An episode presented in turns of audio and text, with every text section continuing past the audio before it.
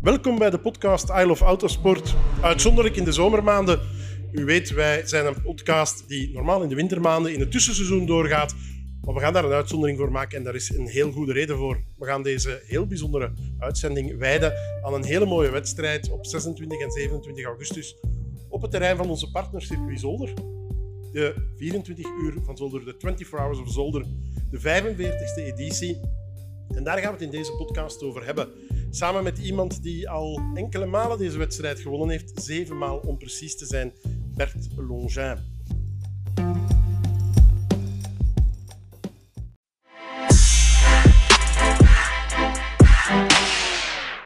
Dag Bert. Goedemiddag. Voor het, lang, voor het eerst sinds lang schijnt de zon in België. Eindelijk. Dat is een reden voor ons om een, eh, een podcast op te nemen. Uh, een podcast rond de 24 uur van Zolder. Uh, er is wat activiteit rond ons, dat gaat u horen, maar dat stoort niet. Dat is niet erg. Bert, de 24 uur van Zolder, 24 Hours of Zolder. Ik denk dat we daar recent nog over getelefoneerd hebben. Leg eens heel even uit, wat betekent dat? Zowel sportief als extra sportief. Voor iemand die toch ja, ontelbare malen hier gereden heeft en zevenmaal gewonnen heeft. Uh, in Vlaanderen is dat de grootste autosportwedstrijd uh, op het circuit. Dat betekent wat natuurlijk. Je hebt in België eigenlijk op circuit drie belangrijke momenten. Dat is de Formule 1 in Spa, de 24 uur van Spa en de 24 uur van Zolder.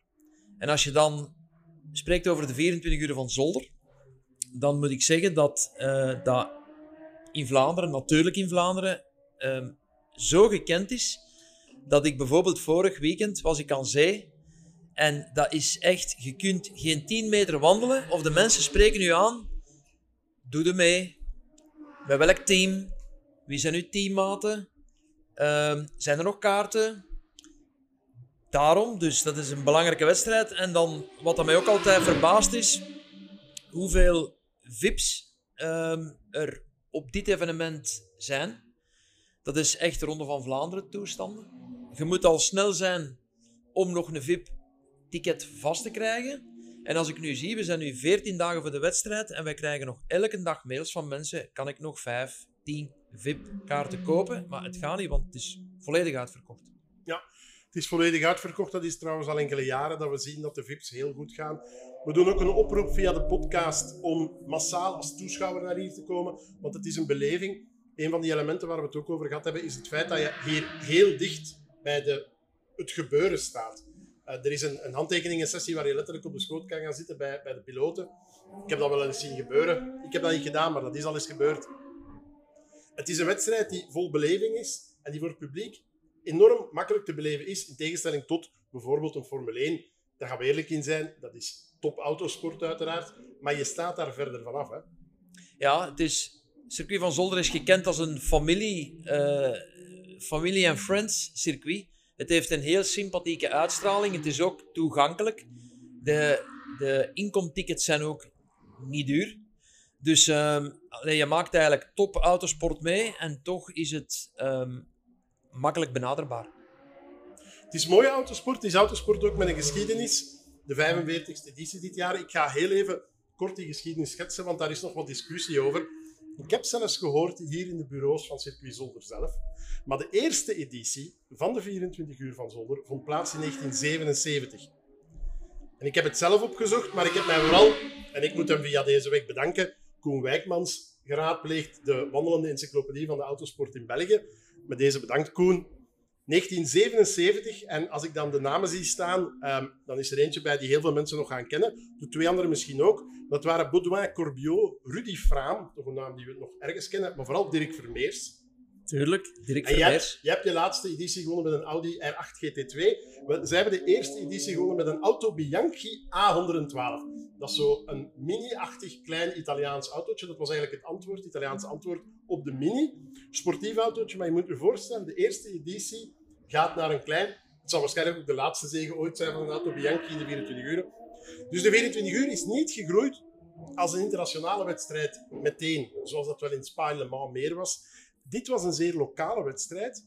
Uh, eigenlijk van een externe organisator, want het is pas in 1983 dat Zolder de organisatie zelf zal overnemen. Het was uh, Retro Organisation, als ik me niet, niet, vergis.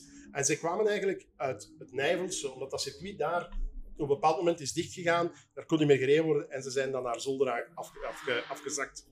De jaren daarna, ik ga niet alle winnaars opnoemen, want dat zou ons te ver leiden, maar de jaren daarna waren voor een, uh, een heel bekend uh, merk in de racerij en in de uit, uithoudingsracerij, ook in Francorchamps, een van de nog altijd het meest winnende merk, namelijk BMW. Twee jaar na elkaar met een BMW 2002 en dan twee jaar na elkaar met een BMW 323. Nog twee jaren opnoemen. 1982 wordt er dan een Opel Kadett. Dat gaat jij zeker nog kennen uit de jeugd. Ik ken die ook nog. En dan zien we daar plots ook een naam verschijnen die heel veel te maken heeft gehad met het circuit. Uh, die eigenlijk nog altijd ja, ergens rondhangt, die geest. Alhoewel dat hij minder actief is. Maar Albert van Ierschot wint in 1983 samen met Remo Raus met een Renault 5 Turbo. Dat was zo'n uh, Renault met de motor centraal. Twee zitplaatsen, de motor daarachter een beetje breder van achter ook. Daar reden ze ook Cup mee. En dan is eigenlijk het hele systeem gekomen. En dan krijg je BMW, Volvo, Porsche en zo verder, die hier winnen. Maar deze wedstrijd is een heel lokaal iets geweest. Iets met een, met een bijna provinciale achtergrond. En is toch uitgegroeid naar een wedstrijd. Als je op de erelijst gaat kijken, ik denk dat hier een Pedro Lamy op staat, waar jij mee gewonnen hebt, denk ik zelfs. En Thierry Boutsen staat hierop. Een Dries Weert, uh, een Dries van Toor, een Laurens van Toor. Helemaal grote namen die naar hier zijn gekomen. Wanneer ben jij de eerste keer hier terechtgekomen? Niet als rijder, maar wanneer heb jij het ontstaan van de 24 uur van zonder ontdekt? Ja, dus ik zelf was eigenlijk van als ik geboren was geïnteresseerd in autosport. Maar natuurlijk, dat is nu een sport, dat is wel de moeilijkste sport die je kunt kiezen. Um, om daar eigenlijk iets professioneel mee te doen. Dus dat duurt, um, laten we zeggen, jaren voor dat je al een beetje begrijpt als uw pa of uw ouders geen autosportgeschiedenis hebben om eigenlijk in die sport terecht te komen. Ik ben hier terechtgekomen door Hans Sane. En Hans Sane die heeft mij ooit ingeschreven. Dat was een magazine en die deden een, een, een wedstrijd. En de, dat was een wedstrijd om, laten we zeggen, op circuit te mogen rijden. En eventueel deel te nemen aan een, ik denk dat dat toen Carglass Cup noemde. Ik ga nu zeggen, was het de Flair of was het de, de tv-magazine? Ik weet het niet meer. Dus we schrijven ons in Hans en ik. En um, wij komen hier aan en wij rijden dus uh, op circuit met onze straatauto. En dan was er een jury en die selecteerde. En uiteindelijk ja, was ik wel bij de gooi, onmiddellijk. Dat was de eerste kennismaking. Ik heb toen geen wedstrijd gereden. Maar wij waren samen eigenlijk, we zijn nog altijd samen, Hans is nog altijd bij mij. Um, samen erg geïnteresseerd in autosport. En ik denk, als ik dat moet situeren in de jaren, moet dat de jaren 1,92 geweest. Dan kwamen wij kijken na de 24 uur van Zolder naar de Carglass Cup. Stonden wij aan de draad. Dat is al even geleden. Hè? Dat is al even geleden. Die wedstrijd was toevallig niet met Denim, met een Toyota. Kan dat? Oh, Joost, dat weet ik echt niet ja. meer. Want ik weet dat uh, de grote tovenaar van de Belgische autosport, Pascal Witmeur, die heeft zo'n aantal van die wedstrijden ingericht. Um, de kans is groot. Kans nu dat jij het zegt, de kans is groot. De kans is reëel inderdaad. Ik heb trouwens een foto met, uh, met Hans en mezelf samen hier op circuit. Ik kreeg toen met een BMW M3, denk ik. En zo nog een E36, ik weet niet de type juist. En we hadden toen een, een petje van Dunlop op of zoiets. En we staan zo met twee smalletjes zo. Um, hier op een foto, ik heb die foto nog. Dat was de eerste kennismaking circuit Zolder. Ja. Ondertussen groeit die 24 uur van Zolder uit tot een, een belangrijke wedstrijd, een populaire wedstrijd. Uh, de verhalen zijn er en, en die zijn, dat zijn geen, geen, geen legendes hè, van pre-kwalificaties. Dat je hier moest gaan pre-kwalificeren om te mogen deelnemen. Dat je met 70, 80 inschrijvingen zat. En dat waren de jaren van vooral BMW en later Porsche. De Porsche hebben hier, ik denk, een, eh, een jaar of 7, 8 achter elkaar gewonnen in de jaren 90. Onder meer trouwens met namen als Huisman, Goossens, Vossen, uh, Thierry Boutsen. Dus, dus hele grote jaren. Dus die wedstrijd is van een provinciale wedstrijd gegroeid naar iets ja, met een internationale uitstraling. Wanneer ben jij ingestapt hier? Wanneer ben je eigenlijk het eerst hier gaan rijden? was met Albert van Ierschot. Was met Albert van Ierschot in 1996. En dat was toen uh, Touring Cup en Carglass Cup. En ik zelf uh, wou beginnen in de autosport en ik ben begonnen in de Carglass Cup, uh, sorry, in de Touring Cup.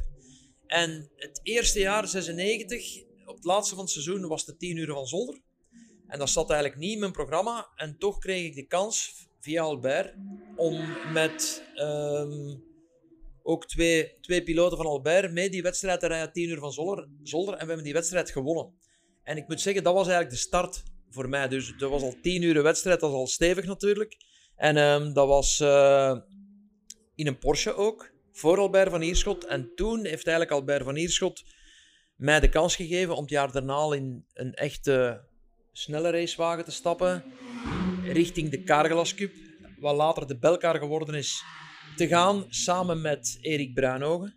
Dat was toen jong talent, snelle piloot. Dus we waren eigenlijk onmiddellijk. Allee, het tweede jaar was ik eigenlijk al, um, laten we zeggen, met de ambitie om wedstrijden in de, in de Carglass Cup te winnen. Ja, als ik eens even ga kijken naar die jaren, in 96, wie wint daar met een Porsche van GL Racing Team? Het, eigenlijk de voorloper van PKK, PKK Sport vandaag. Dat zijn Vincent Dupont, Kurt Dujardin en de jonge Erik Bruinogen. Die winnen in 96 de wedstrijd. Uh, de jaren dat jij er eigenlijk in komt. De twee jaren daarna zijn voor Geert van de Venne, dat was het team hè, van Porsche met Huisman Goossens Vossen en dan Huisman Goossens Boutse. Dat waren echt die grote jaren. En dan toch ook nog iemand vernoemen die daar ook heel veel in gedaan heeft met de VW Audi Club, Gijan Malvois. Die Absoluut. in 99, en ik ga dan dat lijstje bekijken, Porsche, Porsche, en dan komen er Chryslers en Corvetten. Maar daartussen staat één jaar in 1999 een Audi A4. Dat moet jij nog weten, want jij hebt toen ook gereden. Ja. Die Quattro van uh, Hemroel Verberg Tares, die heeft eigenlijk een beetje een breuk, maar daar, daarbuiten zijn het altijd GT-wagens. En uh, ja, jij komt eigenlijk naar voren, eind jaren 90, begin jaren 2000, een aantal edities proberen. En dan in 2002 is het raak. En uh, dat was denk ik met een Viper? Ja, dat was inderdaad met de Viper, samen met uh, Anthony Kumpen, Mike Hezemans en Vincent Dupont. Wij hadden, ik denk het jaar daarvoor, hadden wij geprobeerd met een Porsche. En dan zijn we tweede geworden, denk ik. En dat was Huisman met Goossens en Boutse eerste, denk ik wel.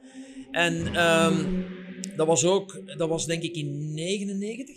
Ja, in 99. Maar dat was in jij 99, hebt de eerste keer gewoon in 2002. In, in 2002. En uh, ja, dat was met een Viper. En toen was de Viper nog met een hashboard. Met, uh, geen met een pedalbox, geen ABS. En uh, in die auto was het makkelijk 60, 65 graden constant. En natuurlijk, we waren toen wel favoriet, want PKK Sport was toen al gekend voor de 24 uren. En uh, ja, ik weet nog goed dat ik eigenlijk niet besefte hoe zwaar dat dat wel was, die 24 uur van Zolder winnen. Want wat weinig mensen weten, je hebt een circuit, je hebt het circuit van Zolder, je hebt het circuit van Spa. Maar eigenlijk is het circuit van Zolder een start-stopcircuit. Dat wil zeggen, je hebt eigenlijk bijna nergens een plaats voor even op adem te komen. Het is ook een kort circuit en het zijn veel 90 graden bochten. Maar als gevolg is zwaar remmen, zwaar optrekken. Dus je hebt nooit echt rust. En uh, toen besefte ik wel, ah ja, autosport, dat is topsport. Als je wilt winnen in die autosport, dan moet je je eigenlijk leven als een atleet. Want anders uh, kan je geen palmarès bij elkaar hebben. Vergelijken het een beetje met het WK-parcours van Glasgow. In het wielrennen, korte stukken, optrekken, remmen, optrekken. En we hebben ook gezien hoe slopend dat, dat was. En als ik nu zeg dat uh, Chris Reinke, topman van Audi Sport op Audi dit Sport. moment, vorig jaar ontzettend trots was dat zijn GT2 het hier heeft uitgehouden. Want dat zij die wedstrijd gevolgd hebben bij Audi Sport. En gezien, vooral dan het, technische aspect, het uithoudingsaspect van, gaat die auto op dat circuit dat zo zwaar is, dat zo belastend is voor de remmen, voor de ophanging, voor de schokbrekers. Want dat is, zonder is uiteraard geen circuit waar je het vermogen continu aanspreekt. Maar het is voor heel veel aspecten van de auto en de mens een heel zwaar circuit. En de 24 uur winnen met een auto hier, betekent dat je een goede auto hebt. En dat, die, die Viper was goed, want je hebt daar een, uh, een, eerste zege mee gehaald in 2002. En dan ben je eigenlijk voor een drie op rij gegaan. Um, twee keer met dezelfde mensen eigenlijk, Vincent Dupont, Hezemans en Kumpen. En dan in 2004, en dat moet toch wel iets speciaals geweest zijn, waren dat opnieuw Kumpen en Hezemans, maar zeker Pedro Lamy die daarbij zat. Toen tijd, Pedro is nu veel ouder uiteraard, maar toen tijd een zeer gerenommeerd ex-F1-rijder. Ja, en uh, dat was ook een, uh, een kerel met een palmarès in Le Mans. Die had ook uh, elke, de beste fabriekszitjes toen in die tijd, die gingen bijna altijd naar Pedro Lamy. Dat was dus kei snel. Was ook een heel sympathieke kerel trouwens. Um, fysiek ook sterk. En um, als je dan samen, ik weet nog dat we toen beslist hebben, um, de laatste stint en, en, zeker over de finish rijden, We hadden toen, ik denk, ik ga nu zeggen, tien ronden voorsprong op de tweede. En dan hebben wij beslist om in de voorlaatste ronde Pedro door, het, door de pitlane te laten rijden. En zijn we eigenlijk met het team langs de, langs de pitstraat gaan staan. Eh, niet in de fastlane natuurlijk, maar aan de witte lijn. En hebben we eigenlijk een, laten we zeggen, een erehaag van het team gevormd om hem te bedanken dat hij met ons, eh, toch een Formule 1-ster, hier in Zolder wou de 24 uur rijden. We hebben dan samen met hem nog gewonnen ook, dus dat was, uh, dat was wel een hoogtepunt. En er waren ook heel mooie wagens, hè, die, die, die Vipers destijds, die GT1's. Jij reed daar ook internationaal mee uiteraard, in het toenmalige FIA GT-kampioenschap. Een, een heel hoogstaand kampioenschap. Dat waren hoogdagen voor die Belgische autosport. En ik denk, de 24 uur van Spa had het in die jaren iets moeilijker, want die zaten met die kleine tourwagens. Die omschakeling naar de GT's, wat toch ook niet echt gemakkelijk was in het begin. Want jij hebt daar ook gereden in die beginjaren, de GT. Je hebt door de tourwagens gekend. Zolder had toen echt wel een, een, een aura. Ja, nu, wat dat je niet mag vergeten, dus Zolder, dus de Belkar en de 24 uur van Zolder, daar mag je nu over spreken. In gans Europa, dat kent iedereen. Hoe dat, dat komt, ik kan dat niet altijd even goed verklaren, maar dat is dus, misschien is de naam eh, Belkar gekoppeld aan, aan, aan het circuit van Zolder. En dat is misschien ondertussen een, beetje een historische naam. En allemaal kent dat. En dat komt omdat natuurlijk Duitsers, ja, die komen eens naar Zolder. Nederlanders komen eens naar Zolder. Fransen komen eens naar Zolder.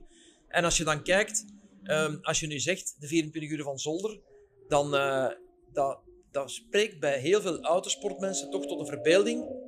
Ook in het buitenland en zeker ook van teams, want ze weten hoe moeilijk dat het is om die wedstrijd te winnen. Ja. Dat, is, dat is een keizware wedstrijd. Dat blijkt ook, hè, als je die, uh, die erelijst neemt, daar zie je amper of geen buitenlandse teams op staan. Hè. De grote Belgische teams komen terug. GL, wat dan GLPK is geworden, wat dan PK is geworden. Maar ook een SRT, een Pro Speed Competition. WRT. WRT. WRT uiteraard, daar kwam ik bij. Uh, Belgium Racing uiteraard. Um, ehm, NGT. Um, ehm, en ik zie eigenlijk, maar dan kom ik, we gaan het daar straks meer over hebben, want dat was een, eh, een aparte periode. Eén Frans teampje opstaan, maar daar weet jij meer van, maar we gaan daar straks uh, over vertellen. Craft Racing, of, of Craft Racing, uh, als ik het op zijn Frans moet uitspreken. Maar het blijkt maar eens hoe weinig buitenlandse teams hier hun stempel konden drukken, omdat dit juist zo'n bijzonder zware wedstrijd is. En er zijn zeker een hele reeks Franse, Duitse, Nederlandse teams geweest die het geprobeerd hebben. Zwitsers team ook nog, denk ik, met de Norma destijds. Dus het is een wedstrijd die echt wel zwaarder is dan heel veel mensen denken. Je hebt, uh, je hebt een specifiek karakter van die wedstrijd. Dat is één. Je hebt ook het verhaal van de tankzone, hè, tanken aan de pomp. Je hebt dat ook op de Noordslijven. En de Noordslijven, als je gaat kijken wie dat die laten we zeggen, meestal wint, zijn bijna altijd teams met een Duitse achtergrond. Vandaar in de buurt, die de geschiedenis helemaal kennen. En als je dan kijkt naar die eigenaars, zijn heel dikwijls mensen die zelf die wedstrijd gereden hebben. Want je wordt, uiteindelijk je wordt ervaringsdeskundige. Ik voel dat nu aan mezelf ook. Dat is de, de, de 27e of de 28e deelname die er nu aankomt. En uh, ja, je, je, kan eigenlijk de volledige film van wat er ongeveer gaat gebeuren, kan je al voor de geest halen. Dat is makkelijk. Je kan ook, omdat je zoveel dat gedaan hebt, de fysieke belasting kanaliseren. Hè, dat je niet al je pijlen verschiet de eerste stint, want hè, het is echt zwaar. Dus um, het is logisch dat het eigenlijk specialisten zijn van hier. Ze moeten professioneel zijn natuurlijk, die zo'n wedstrijd naar hun, naar hun richting kunnen draaien. Ja. Jij wint in 2004 nog eens met Pedro Lamy en dan komen twee succesvolle jaren voor SRT. Team van Patrick Zelleslag, die uh, dankzij wie wij eigenlijk de Corvette hebben leren kennen, want die hebben de Corvette mee naar hier gebracht. Zij winnen met, uh, met onder meer Goossens, Verheijen, Jan Heijlen, Hart, Dué, uh, Maxime Soulet, Tom Kloet en zo verder. En je moet dan nog een paar jaar wachten voor een, een derde zege, een vierde zege, sorry, want je had er al drie. Want dan komt er uh, GPR van Pino met de Porsche, het GT3-reglement doet zijn intreden in, in, in het uh, reglement en het 24-uursreglement. Zij winnen GPR, GPR ProSpeed wint ook een uh, één editie. Hè, toch ook een groot team dat internationaal veel gereden heeft. En dan ga je naar een totaal ander type team dan die grote internationale teams. In 2010 ga je in een Porsche zitten van iemand hier vlak uit de buurt, Jo Jamers. First Motorsport. Ondertussen, denk ik, bestaat het team ook niet meer. En je doet dat met Frank Belje, iemand ja, die wel erg verbonden is met het circuit van Zolder. Henk Hane, een soort van halve Belg, halve Nederlander, die, die veel in Monaco zit. En uiteraard Anthony Kumper. Totaal andere auto, hè? die Porsche 997 tegenover die Viper. Ik denk dat dat aanpassen geweest is. Ja, maar als je nu daar juist al die namen opnoemt die die wedstrijd al gewonnen hebben, dan moet je toch zeggen dat dat indrukwekkend is. Want ik verschiet eigenlijk zelf, terwijl dat je het allemaal opsomt, dan denk ik, ah ja, die heeft ook gewonnen. En die heeft ook gewonnen. Dus het is wel... ehm, het zijn eigenlijk toch wel piloten die internationaal veel betekend hebben in de autosport die hier ook gewonnen hebben. Maar dan natuurlijk dat verhaal van de Viper met eh, 650 pk naar eigenlijk een kleinere Porsche. ehm, van, van een klein team met Jo Jamers. Ja, natuurlijk in autosport, ehm, de weg die je somtijds ehm bewandelt of die somtijds bij u terechtkomt, dat kun je moeilijk bepalen. Er zijn soms dingen dat je zegt van, hoe ben ik daar nu ooit terechtgekomen? En bijvoorbeeld bij Jo Jamers was dat ook wel vrij speciaal. Dat is eigenlijk gekomen door François Verbist, die nu teambaas is bij Come to You, die mij daarover gecontacteerd had voor met hem samen bij, bij Jo Jamers in die Porsche. En Jo Jamers ja, die had een ongelooflijke drang en droom om die 24 uur te winnen. En die mens heeft dat denk ik, ik denk dat hij zijn team 15 of 20 jaar bestaan heeft. Die heeft dat ve- 20 keren geprobeerd. Die heeft ooit één keer gewonnen. En dat was toen. Die foto die komt ook telkens malen terug als Jo verjaart. Dan zie je die op sociale media komen. Jo staat, laten we zeggen, in het midden met zijn vier piloten. Jo weet van emotie. En ehm, ik moet ook zeggen, dat was ook een... eh, om dat met zo'n kleine structuur en team te winnen, dat was ook speciaal. En we moeten weten, Joost, dat wij een paar weken daarvoor 24 uur van Spa hadden. Anthony reed bij Phoenix in de Audi. En ik reed bij AF Corse in de Ferrari. En wij hebben s'nachts een ongeval gehad. En wij waren alle twee ehm, eh, out of the race. Alle twee eigenlijk twee per totaal auto's. Dat wilde ook zeggen dat er toen vanuit de pers, vanuit mij en van Anthony, wel wat gezegd werd. En dat was links en rechts toch in het verkeerde keelgat geschoten. En wij waren teammaten voor hier in Zolder te rijden, Anthony en ik. En uiteindelijk zijn we beginnen ruzie maken. En wouden we eigenlijk met elkaar niet rijden, hier in Zolder. Ik weet, na de 24 uur van Spa was ik in Griekenland op vakantie. En Jo Jamers, ja, die belde mij altijd op. Ja, Bert, eh, wat ga jij nu doen? Want een Anthony wil niet met u rijden, jij wilt niet met een Anthony rijden. Ja, je kent dat eigenlijk, dat, dat, dat kinderlijk gedoe.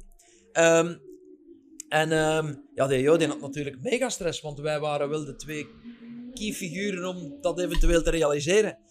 En, ehm, en dat bleef maar duren en dat bleef maar duren. En elke morgen was dat dan telefoon hè, van ja, zeg, eh en jullie eens niet met elkaar spreken en dit en dat. Op een zeker moment krijg ik toch telefoon of een berichtje van Anthony voor te zeggen, zeg, eh Longin, we gaan dat toch weer, want dat was niet de eerste keer natuurlijk, weer moeten bijleggen en we gaan samen proberen die koers te winnen. En we hebben die dan nog gewonnen, dus dat, dat was eigenlijk dat, dat was fantastisch, Ja. die wedstrijd. Voor Jo moet dat ook heel bijzonder geweest zijn, want het jaar ervoor valt zijn gele Porsche, die aan de leiding lag, onder meer met Stefan Kampenhout, valt op denk ik een uur of twee uur. Ik wil er vanaf zijn, ik weet ook exact de details niet meer, maar die lag aan de leiding, die leek te gaan winnen. En plots begeeft die krachtbron van die Porsche, wat vrij ongewoon is. Hè? Want Ja. bij een Porsche gebeurt dat, dat gebeurt, maar dat gebeurt niet courant. Dus hij had er al eens zo dicht, en ik, ik doe een teken met mijn twee vingers, heel dichtbij gestaan. Jullie hebben die dan gewonnen. Ik denk dat jullie in een zwembad zijn geëindigd, achter de vrachtwagen of achter de box. Ik kan mij die beelden ook nog, nog voor de geest halen. En dat is eigenlijk ehm, de aanzet geweest voor weer twee zegens na elkaar trouwens. Je hebt er dan drie gehaald met de Viper. Maar het jaar daarop kom je in de tegenovergestelde structuur terecht. Het team was op dat moment nog niet zo groot als vandaag. Maar je start met niemand minder dan W Racing Team, beter bekend als WRT. Het team toenertijd van Verbist, Vossen en Weerts. Nu is dat Vossen-Weerts. Ehm, in een Audi die eigenlijk, of in een auto, de Audi R8 LMS, die een heel stuk van de autosportgeschiedenis mee gaat kleuren van de laatste tien jaar. Eh, je doet dat met François Verbist, die je goed kent. Iemand die een ongelooflijk talent blijkt, die vandaag in de rallycross zit en zo ieder. En Xavier Maassen, iemand die ook van hier is en die ook eigenlijk, heeft één keer gewonnen, ook bijna op zijn knieën. Blij was dat hij die wedstrijd hier kon winnen. Ehm die heeft in Le podium gestaan, heeft in Spa podium gestaan, maar zonder blijkt dat nog maar eens hoe moeilijk dat het is om die wedstrijd te winnen. Dat is een hele stap geweest, zeker van Jo Jamers naar Vincent Vos en, en, en François, François Verbist niet, René Verbist in die tijd. Dat is eigenlijk Kurt Molkes fout. Ah, dat is Kurt Mollekes ook fout. Dus de Ik hoop dat Kurt luistert. Ja, dus de Kurt, eh, ik hoop dat hij luistert. Kurt eh, belt me op een zeker moment op en hij zegt: Ja, Bert, eh, ehm, ik moet u toch wat informatie geven. Daar komt een nieuw team rond eh, Vincent Vos en Yves Weerts en, en, en Verbist. Eh, maar dat gaat een team zijn zoals jij dat nog nooit ervaren hebt. Dat wordt een nieuw team, maar dat wordt professioneel zoals je nog nooit ooit gezien hebt. Die willen dat gewoon van in het begin top doen.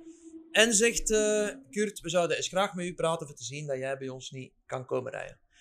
En um, dus Kurt had mij heel snel overtuigd natuurlijk, want wij waren er op een meeting. Wij kregen die um, presentatie van de trucks, van de auto's, van de manier van de managing directors, hoe dat ze dat gingen doen, de engineering. En ja, ik wist direct, dat wordt een team om te winnen. En als je kijkt, dat was, ik denk dat dat, welk jaar was dat? 2011. Ja, 2011. Um, als je dan kijkt waar dan nu WRT terechtgekomen is, fabrieksteam van BMW, eh, Valentino Rossi, Dries, Dries van Toor, ze zitten in de LMDA, ze gaan proberen Le Mans te winnen. Ja, dat is gewoon fantastisch. Maar die eerste telefoon van Kurt, Kurt is er nog steeds. Ja.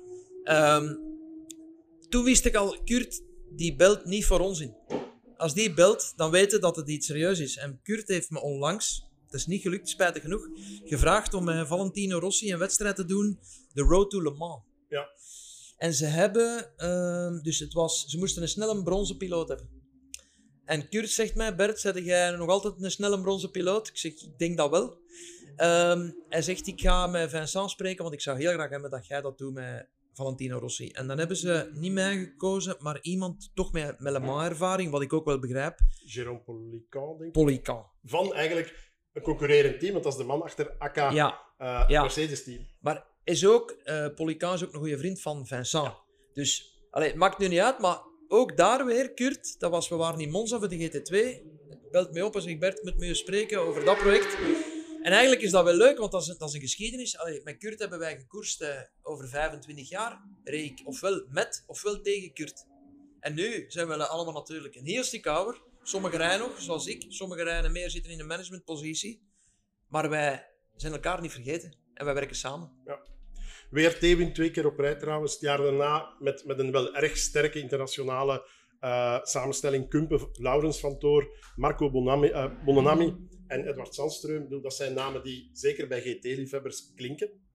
En dan komt die wedstrijd eigenlijk in handen van een lokaal team uit Lommel. Ere wie ere toekomt. Viermaal op rij en nog niemand heeft hen dat nagedaan.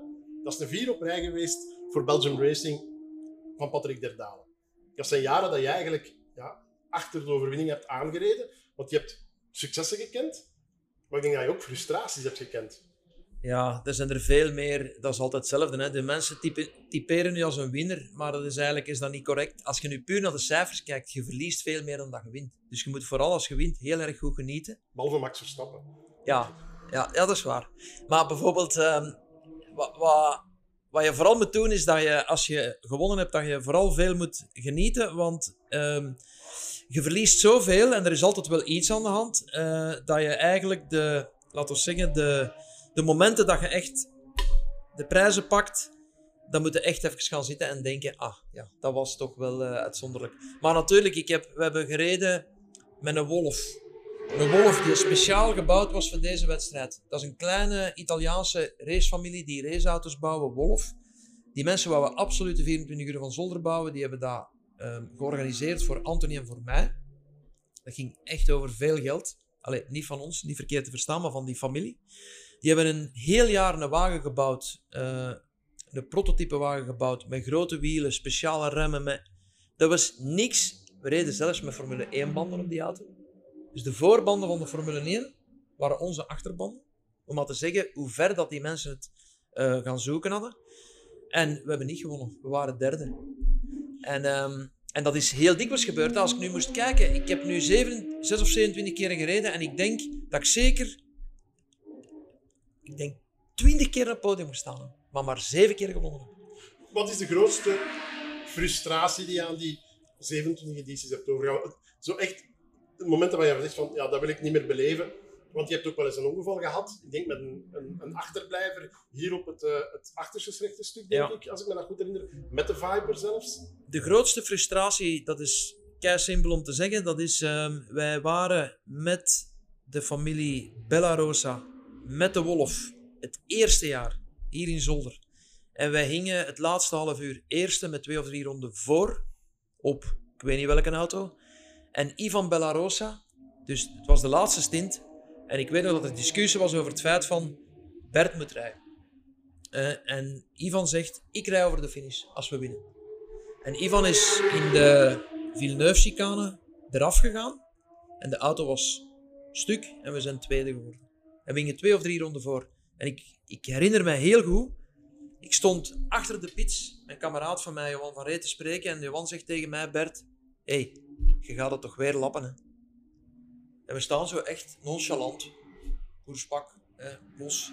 Ehm, en ik zeg, ja, ja, normaal als er niks fout loopt, uh, gaan we winnen. En ze kunnen ons niet meer verslagen, moeten gewoon uitrijden. Er kan niks gebeuren.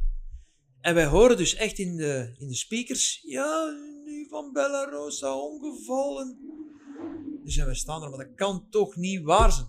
Dus uiteindelijk kan die auto verder rijden. Die geraakt tot in de pits, maar we hadden maar twee of drie ronden voor. Ja, dat is maar vijf of zes minuten in, in totaliteit.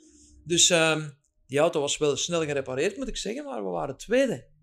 Dat is mijn grootste teleurstelling. En dan komen we, want je hebt het over die auto's, hè, die, die open prototypes. Dat is ook een moment dat Zolder het wat moeilijker heeft. Er waren niet altijd de 40, 50 deelnemers. Leuk trouwens, ik denk dat we dit jaar terug de 40, de kaap van de 40 gaan ronden. Dus we zijn terug op weg naar die, die grote startvelden. Maar dat waren die gemengde jaren, een beetje met die kleine prototypes, de CN-wagens en de GT's en de Tourwagens. Een goed jaar geleden of twee jaar geleden is dan de beslissing genomen om die eigenlijk uit het Belkar kampioenschap te halen, uit de 24 uur um, van, van Zolder te gaan halen. Maar ook met die auto's heb je gewonnen. De eerste zege was voor DVB Racing, een team dat ondertussen ook niet meer bestaat. Met onder meer Gilles Magnus, die daar eigenlijk voor de eerste keer in België voor het voetlicht is getreden. Um, dan komt nog een jaar met Porsche, met, met uh, Dries van Toor inderdaad, die hier uh, gaat winnen voor een eerste keer, want hij zal nog een tweede keer winnen. En dan, heel grappig, ongeveer het enige jaar in heel de geschiedenis dat er een buitenlands team wint, Kraft Racing, van een hele sympathieke teameigenaar trouwens, met zo'n Norma M20 FC. En dat is een heel bijzonder jaar voor Christophe Korte, want die wint de tweede keer met zo'n prototype. Een Zwitser die wint, Giorgio Maggi die wint, maar vooral jij wint met je zoon. Ja. Fantastisch. Ja. Als het verlies van die Wolf een dieptepunt is, denk ik dat dat jouw hoogtepunt is. Ja, er zijn eigenlijk in die 24 uur twee hoogtepunten. Dus dat is die wedstrijd natuurlijk. Maar vooral ook, moet dat toch, uh, dat kan ik echt niet minimaliseren, dat is die recordrijden vorig jaar. Dat zijn natuurlijk, als je zo lang koerst, je kunt ook niet anders dan eigenlijk oud zijn als piloot als je records begint te rijden. Dat gaat niet anders, want dat, je verliest veel te veel. Dus vorig jaar die zevende, als je dan eigenlijk alleen op de wereld zit met zeven, dat is toch wel speciaal.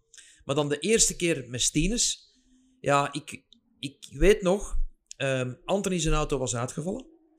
En ik reed voor Kraft en Anthony was supporter van mij. Dat is echt, echt bizar. En dan is Anthony in de box van Kraft gekomen. Dat was nog drie uur wedstrijd. En Anthony heeft tegen um, zijn voornaam ontsnapt me nu, Stefan van Kraft gezegd Bert rijdt de laatste drie uren die wedstrijd. Want we moeten eerlijk zijn, zo'n Norma. Het zijn heel fragiele, kleine, dunne auto's, zal ik maar zeggen. Dus je moet natuurlijk, en dat is de voordeel van ervaring te hebben, toch nog snel kunnen rijden, maar vooral de auto niet belasten. En ik moet zeggen, ik kwam dan op de hoogte als ik die wedstrijd zou winnen van Anthony, die had er zes, en Mark had er ook zes. En ik kreeg er dan ook zes. En ik had een supporter, eigenlijk ja, dat is met een vriend natuurlijk, maar ook met een concurrent in dat, in dat, in, in, in dat palmares of, of in dat record. En Anthony is van zijn box naar een box van kracht gegaan. Die is op de radio gekomen. Die heeft mij aangemoedigd, want ik was natuurlijk kapot. Um, ook nog geholpen in strategie. En um, wij hebben dan met ja, piepe kleine Franse team, met een Norma. Die mensen hadden nog nooit een 24 uur gereden. De 24 uur van Zolder gewonnen dat was heroïs. Ik kan dat geen andere woorden. Dat, we hebben daarna, allee, eerst het podium en alle, alle, alle dingen. Maar we hebben daarna samen allemaal, dat stond hier ook ergens, en niet bij ons, maar in een van die teams, Jacuzzis, of, laten we zeggen, een bad voor in te zitten, voor, voor cool te houden voor de piloten. Daar hebben we samen allemaal ingezeten met de piloten, met het team, hebben we sigaren gesmoord, bier gedronken. Ja, we waren juist precies in Ben de Kleuters. Zo gelukkig. Ja. Dat is trouwens het jaar voor het jaar dat er geen 24 uur zou zijn. 2020. Twee seizoenen dat er geen 24 uur van zolder is. Ik denk 1988. Toen is er hier een wedstrijd georganiseerd voor twee PK's, 24 uur lang. Hoe dat komt, ehm, dat kan Koen Wijkmans ooit wel eens uitleggen in een podcast. En uiteraard 2020 is er geen geweest, want ja, dat weten we allemaal. Dat was de verschrikkelijke gezondheidspandemie of crisis hier in onze, in onze gewesten en veel verder ook. Die protos komen nog een jaar terug. Die winnen met uh, Russell Racing bij, PK, dus met, met Hans en, Frank Tiers, uh, Jeffrey van Oudonk, Alan Day trouwens, iemand die ook in dat team vaak zit. En opnieuw Gilles Magnus, die dus uh, tweede keer ook wint als jonge piloot, die ondertussen internationaal bekend is, is Audi-piloot en zo verder. En dan komt eigenlijk het laatste jaar een totaal nieuw reglement. Een soort van de monomerkenauto's zoals Lamborghini, Porsche, Ferrari mogen hier deelnemen en de GT2's. Jullie kiezen voor een auto die vrij weinig ervaring heeft met zo lange wedstrijden. Audi is dolblij met de zegen. De zegen van uh, Longin, Longin, vader en zoon Dries van Toor, die zijn tweede wint. En dan de eerste voor Peter Gullings en Nicolas Sales, denk ik ook, uh, die hebben gewonnen. Uh, voor Peter Gullings ook iemand die nieuw is in de autosport. En ook van de streek is een ondernemer. Een, een mooie triomf. Ja, dat was natuurlijk ook een, een project met veel risico's. Maar wat ik toch moet zeggen, um, als je daar natuurlijk al achteraf naar kijkt, dan heeft het toch heel veel te maken met welke mensen organiseer je zoiets. Ten eerste, de piloten moeten zich kunnen. Wij, wij, maken altijd een briefing voor zo'n wedstrijd. Dan zeggen wij altijd um, tegen de piloten: gooi uw ego nu even voor de volgende 24 uur wedstrijd in de vuilbak. Het gaat niet over wie is de rapste, het gaat niet over wie is de beste. Je bent met vier of je bent met vijf en je moet samen natuurlijk proberen daar iets goed van te maken. Dat is, dat is bijvoorbeeld één. Dan ten tweede, als je kijkt de voorbereiding van zo'n wedstrijd. Als ik nu zie bij PKK Sport dat we nu die wedstrijd aan het voorbereiden zijn voor binnen 14 dagen te doen. Ja, dat is gewoon het niveau van een team dat op de 24 uur van Spa zou gaan rijden. Die maken geen enkel compromis. Dat wil niet zeggen een compromis in onderdelen, in schroeven, in versnellingsbakken, in zitpositie, in comfort, wat dat je allemaal nodig hebt. Dus daar is natuurlijk een, een, dat is een team dat heel lang bestaat, met heel veel ervaring in 24 uren. Ja, die hebben eigenlijk niet veel briefings nodig om te weten dat ze het juist moeten doen. En het mooie aan dat team is, vind ik, dat is, ondertussen worden die mannen ook allemaal ouder. Maar de, laten we zeggen, de, de drive om te winnen is dezelfde dan als ik daar 25 jaar geleden binnenkom. Die zijn streng voor hunzelf, die zijn streng voor mij, wat dat toch de oudste piloot is dat daar rondloopt. Die zijn echt kritisch. Die zijn streng voor alles en iedereen, ook voor een teambaas moet ik zeggen, want die krijgt er ook alles van langs. Dus we hebben dan natuurlijk een, een team samengesteld van pure winnaars, gemotiveerde mensen. En als je dan ziet, bijvoorbeeld vorig jaar met die Audi, dat was een groot risico. Want dat is toch een, een auto die gemaakt is voor te sprinten. Maar wij hadden het vermoeden Anthony had het vermoeden, het team had het vermoeden. We kunnen met die Audi winnen als we sluw, slim omgaan met strategie. En het is achteraf gebleken dat het juist was. Ja, en daar is nog iemand eigenlijk een beetje bij komen helpen. We mogen dat juist zeggen. Iemand die eigenlijk puur als toerist hier kwam rondlopen. Wim Everaert. Wim Everaert. Van WRT. Van WRT. En Wim heeft natuurlijk ook een heel lange geschiedenis bij PK. Ja zit nu bij WRT als chief engineer van de auto van Rossi. Ehm, ook van Dries. Ja, van alle auto's eigenlijk. Ja, wel ja, een overkoepelende functie. En um, dus de Wim, ja, dat is iemand die we natuurlijk keihard kennen. En die komt natuurlijk eens piepen uit nieuwsgierigheid. En die is zich gezet achter, uh, laten we zeggen, in het team waar dat de strategie bepaald wordt en waar je heel veel data's kunt zien. En die is van die stoel niet meer weggegaan. En die is blijven zitten tot als we over de, over de finishlijn gereden zijn. Dus ook even hier, Wim, dankjewel. Ik hoop dat je dit jaar terug langskomt. Ja. Ik weet niet of hij het gaat doen, want hij heeft een druk programma. Maar hij komt. Maar hij komt. Um, wat ook leuk is aan die 24 uur van Zolder, is dat je aan mensen die eigenlijk uit het zakenleven komen. Jij zit ook in het zakenleven, maar jij bent eigenlijk een doorwinterde piloot. Je hebt dan nog een stapje hoger de professionele jongens, Dries van Toor, Laurens van Toor, uh, die heren die dagdagelijks niks anders doen. Maar je geeft ook de kans aan de Peter Gullingsen en de Nicolas Salensen van deze wereld. En ik kan er even zo nog 30 of 40 opnoemen in die lijst, maar dat ga ik niet doen. Om succesvol te zijn in die autosport. Wat, laat ons eerlijk zijn, Peter Gullings kan de 24 uur van Spa niet meer winnen. Vandaag. Want dat is een wedstrijd geworden met drie Dries van Toren of drie Laurens van Toren op een auto. Uh, Le Mans, ja, daar moet ik helemaal geen tekening bij maken. Dat is het niveau, hè, hetzelfde niveau van rijders, plus dan Formule 1-piloten daarbij, of ex-Formule 1-piloten. Maar dit is een fantastisch zware wedstrijd, waar je naartoe moet werken. En die mensen kunnen hier succesvol zijn. Bovendien in hun eigen leven, werkomgeving. Ik denk dat dat belangrijk is. Ja, uh, dat, is dus heel belangrijk. Hè? Want als je nu ziet, uh, ik, ging gisteravond uh, moest ik iets gaan eten met Yves Maas. Het, het containerbedrijf dat ondertussen heel België kent. En ja, die spreekt mij maar over één ding. Dat is de 24 uur van Zolder. De, de, rest, allee, die weet dat niet. Maar dat kent hij wel. Dat is natuurlijk ook uit de streek. Maar hier in de streek is die wedstrijd super belangrijk. Maar vooral, um, ik doe toch veel coaching. En ik, als je veel coaching doet, dan krijg je natuurlijk alle soorten piloten naast u. En dus je geeft ze les, ze begrijpen of ze leren bij. En je gaat ernaast zitten en je ziet wat, welk dat de uitvoering is. En ik kan u zeggen, Peter Geurlings is daar echt een uitzondering op. Dus een van de grote uitzonderingen. Dus die, die stapte naast mij in de auto. Die was misschien in het begin wel verschoten. Maar ik zat daarnaast en ik had onmiddellijk door, dat is ten eerste een intelligente vent. Dus die kan, terwijl dat hem op hoge snelheid aan het werken is, heel goed nadenken over wat hij doet. Dat wil zeggen, als je die coacht, die kan dat, terwijl dat een aan het rijden is, dat opvragen. En dat is, dat is moeilijk, hè? Want je zit eigenlijk maximaal te geven van wat dat je technisch kunt, maar die kan dat. Dus dat was al een voordeel. En um, het grote voordeel bij Peter was dat we van nul begonnen zijn. Dus ik weet nog dat hij mij belde en hij zegt: Ja, Bert, ik heb uh, bedrijven en veel stress en ik moet iets hebben om te ontspannen. En ik zou graag op circuit rijden. Ik wil geen wedstrijden rijden. Dat is, al, dat is natuurlijk altijd in het begin dezelfde, hetzelfde verhaal. Maar ik wil bijvoorbeeld op een donderdag eens naar Zolder gaan, op een andere keer eens naar Spa gaan en misschien eens naar het buitenland gaan. Ik wil ontspanning.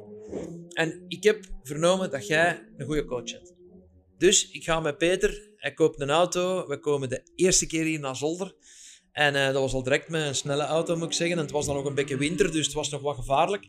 Um, maar die dag zelf wist ik al, die gast kan ik iets mee doen. Daar ga ik iets van maken.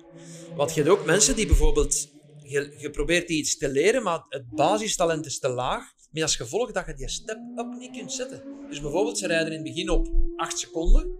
En dan kun je, um, laten we zeggen, coachen tot op, tot op 2, 3 seconden. Maar dan moet al een serieus getalenteerde kerel. Maar Peter die is er ondertussen al voorbij. Hè? Dus, en dat is nog maar zijn, allez, zijn, zijn vierde jaar in de koersauto, zijn derde volledig raceseizoen. Dus wat die gast doet, ik heb die nu de laatste twee wedstrijden bezig gezien. Eén, ene keer in Portugal, in Portimao en in Dijon. Ja, dan moet ik echt chapeau zeggen. En ik kijk dus in data, ik moet hier nog coachen. Ik zie wat hij doet ten opzichte van Stines. En Stines is toch echt snel. Ja, dat is, uh, dat, dat is natuurlijk dat geeft eigenlijk evenveel voldoening als dan dat je zelf rijdt. Ja, die gaat nu terugrijden en ik denk dat we het doek van het team mogen halen. Er is heel wat geheimzinnigheid rond geweest. De website Autosportwereld had al een hint gegeven over een snelle Luxemburger. Uh, werd uiteraard niet bevestigd. Maar kan jij vertellen met wie het team gaat rijden? Want jullie hebben twee auto's, twee Duitse auto's. Geen Audi, maar een Porsche en een BMW. Yes, dus we hebben een BMW M2 en op die BMW M2 zit Mattis Lismond met uh, niet Junior Plankart. Hij zal wel hier zijn, maar zijn rug is nog niet volledig genezen. De andere uh, piloten zijn Tom Bonen, Koen de Wit en. Ellen Day hebben we ook een, een heel lange geschiedenis bij PKK Sport. Dus dat is een stevig, uh, sterk team. Tourwagen favoriet? Ik denk dat ik dat mag zeggen, ja. Tourwagen favoriet. Uh, en ja, voor Junior is dat eigenlijk wel heel spijtig, want het ongeval met zijn rallywagen in de rally van de Vlaanderen Rally. Ergens een, ja, een ja, van de Vlaamse rallies. Uh, was toch een zware klap. Uh, zijn rug is eigenlijk wel, hij kan stappen en hij kan eigenlijk gewoon bewegen, maar um, ik heb onlangs dat rapport van zijn, van zijn specialist gezien. Stel nu toch dat hij moest rijden en er moest iets gebeuren en die rug breekt terug, dan zou het, dan zou het zware gevolgen hebben. En dan heb ik eigenlijk met Eddy, uh, de papa, gesproken. En dan hebben wij gewoon samen beslist, we gaan geen risico nemen. Uh, dan blijft het toch maar sport. Het zo bezien. Dus dat is een uh, heel sterk team. Er zitten ook Mathies en LND. Koen de Wit en Tom Bonen. Allee, ja, dat is, toch een straf teamke, denk ik. En dan ehm, voor op de auto nummer 1. dat wordt niet een Audi, maar een Porsche. Dat heeft veel te maken met de beslissing van ehm, de A&M autogroep. Die zitten met dealerships bij BMW, Audi, uh, Range Rover, maar ook Porsche. Dus, ehm, en daar is een Porsche garage hier in Paal. En daar is, is een van de beslissingen um, genomen om zo'n project in elkaar te steken voor de 24 uur van Zolder, want dat gaat ook altijd over financiën. Um, en op die auto rijdt Peter Geulings, mijn zoon Stines, Dylan Pereira en ikzelf. Ja. Dus de rol van Dries wordt een beetje overgenomen door Dylan Pereira. Ja, wij hadden... Mag ik nu al zeggen, favoriet voor de Pool? Ja, dat waren we vorig jaar ook met Dries, maar die hadden we ook niet. Ja. Dus je kunt best altijd met twee woorden spreken. Dylan Pereira, even kaderen. Tweevoudig Porsche Carrera Germany kampioen. Derde in FIA WEC GTM geworden, een jaar of twee, drie geleden. Maar vooral tweevoudig kampioen in Porsche Mobile One Supercup. Dus dan kom je terecht bij de snelste Porsche GT3 Cuprijders ter, ter wereld. Ja. Punt. Ja. Um, het is eigenlijk gekomen, dus Dries had onmiddellijk toegezegd om de wedstrijd terug mee te rijden. Ehm, maar dan was er toch een discussie met BMW. Dan is er... Uh, is en Laurens... niet op de M2 rijden. Denk het niet. Um, en dan um, hebben we gevraagd aan Laurens. En die had ook toegezegd. Maar die heeft een extra testweek die week dat wij hier nu in Zolder zijn. En dus hij was eigenlijk toen op die moment nog niet helemaal zeker, maar ik begrijp hem wel van te zeggen, ja, stel nu toch, ik bevestig bij jullie en de laatste, of de laatste 14 dagen voor de wedstrijd moet ik jullie afmelden. Ja, dat, dat is ook moeilijk. Je moet toch, uh, allee, racepakken moeten gemaakt worden, dat moet toch allemaal te goed gestructureerd zijn. En dan hebben zij zelf met uh, de naam Dylan Pereira gekomen. Dus op, daar waren nog, dat was Robin Frans, zat in de scope. Um, nog een teammaat van Laurens van Toor, Porsche-piloot, uh, Oostenrijker, keisnel. Ik zijn even zijn naam kwijt. Ja, ja. het zal er misschien zelfs op komen. Dus, um, en Dries heeft ook al twee wedstrijden met uh, Dylan gedaan, 24 uur. En allee, hij was ook echt uh, supporter van Dylan Pereira in de zin van, ja, snel natuurlijk, ervaring met de cup, maar vooral ook als persoon. Gemakkelijk in de omgang.